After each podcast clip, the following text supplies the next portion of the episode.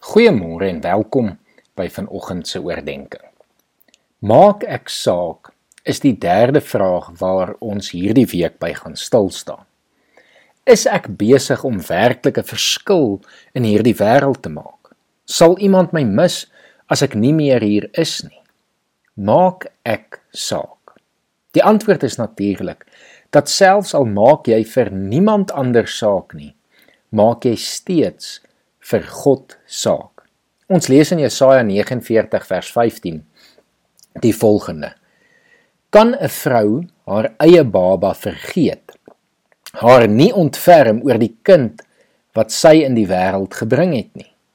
Selfs al sou so iets kon gebeur, ek sal jou nooit vergeet nie. Ek het jou naam in my handpalms gegraveer, sê die Here. Ek sien jou altyd voor my. God het jou ongelooflik lief. Hy het jou geskep as sy kind om aan hom te behoort, om deel te wees van sy kerk hier op aarde en daarom maak jy vir hom saak. Jy het 'n baie unieke en spesifieke rede vir hoekom jy in 2022 moet leef. Hoekom jy in jou dorp bly en hoekom jy doen wat jy doen. Die Here het jou wonderlik geskep, sê Psalm 139 vir ons en ons gevorm daar waar niemand dit kon sien nie. Ons weet ook dat God elkeen so liefgehad het dat hy sy lewe vir ons gegee het. Johannes 3 vers 16 is vir meeste mense 'n vers wat ons al uit ons kop uit ken, want so lief het God die wêreld gehad dat hy sy enigste seun gestuur het sodat elkeen wat in hom glo nie verlore moet gaan nie, maar die ewige lewe sal hê.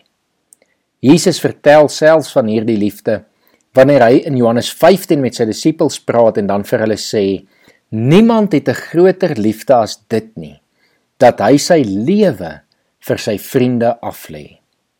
Jy maak saak genoeg dat Jesus jou sy vriend noem en genoeg dat hy bereid was om sy lewe vir jou te gee. Wat 'n voorreg is dit nie. Laastens lees ek vanoggend vir ons 1 Johannes 4 vers 7 tot 21 voor wat vertel van God se liefde vir jou en hoekom jy saak maak. Geliefdes, ons moet mekaar lief hê want liefde kom van God en elkeen wat liefhet is 'n kind van God en ken God.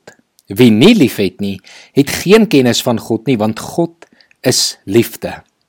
Hierin is God se liefde vir ons geopenbaar. Sy enigste seun het hy na die wêreld toe gestuur sodat ons deur hom die lewe kan hê. Werklike liefde is dit. Nie die liefde wat ons vir God het nie, maar die liefde wat hy aan ons bewys het deur sy seun te stuur as verzoening vir ons sondes. Geliefdes, as dit is hoe God sy liefde aan ons bewys het, behoort ons mekaar ook lief te hê. Niemand het God nog ooit gesien nie. Maar as ons mekaar liefhet, bly God in ons en het sy liefde in ons sy doel volkome bereik. Hieraan weet ons dat ons in hom bly en hy in ons. Hy het ons sy gees gegee. En ons het gesien en is getuie daarvan dat die Vader die Seun as redder van die wêreld gestuur het. Wie bely dat Jesus die seun van God is, God bly in hom en hy in God. En ons ken die liefde wat God vir ons het en ons glo daarin. God is liefde. Wie in die liefde bly, bly in God en God bly in hom. Hierin het die liefde sy doel volkome met ons bereik. Ons het niks te vrees vir die oordeelsdag nie, want in hierdie wêreld lewe ons reeds deur die liefde, net soos Jesus. Waar liefde is, is daar geen vrees nie, maar volmaakte liefde verdryf vrees, want vrees verwag straf en wie nog vrees het nie volmaakte liefde nie. Ons het lief omdat God ons eerste lief gehad het.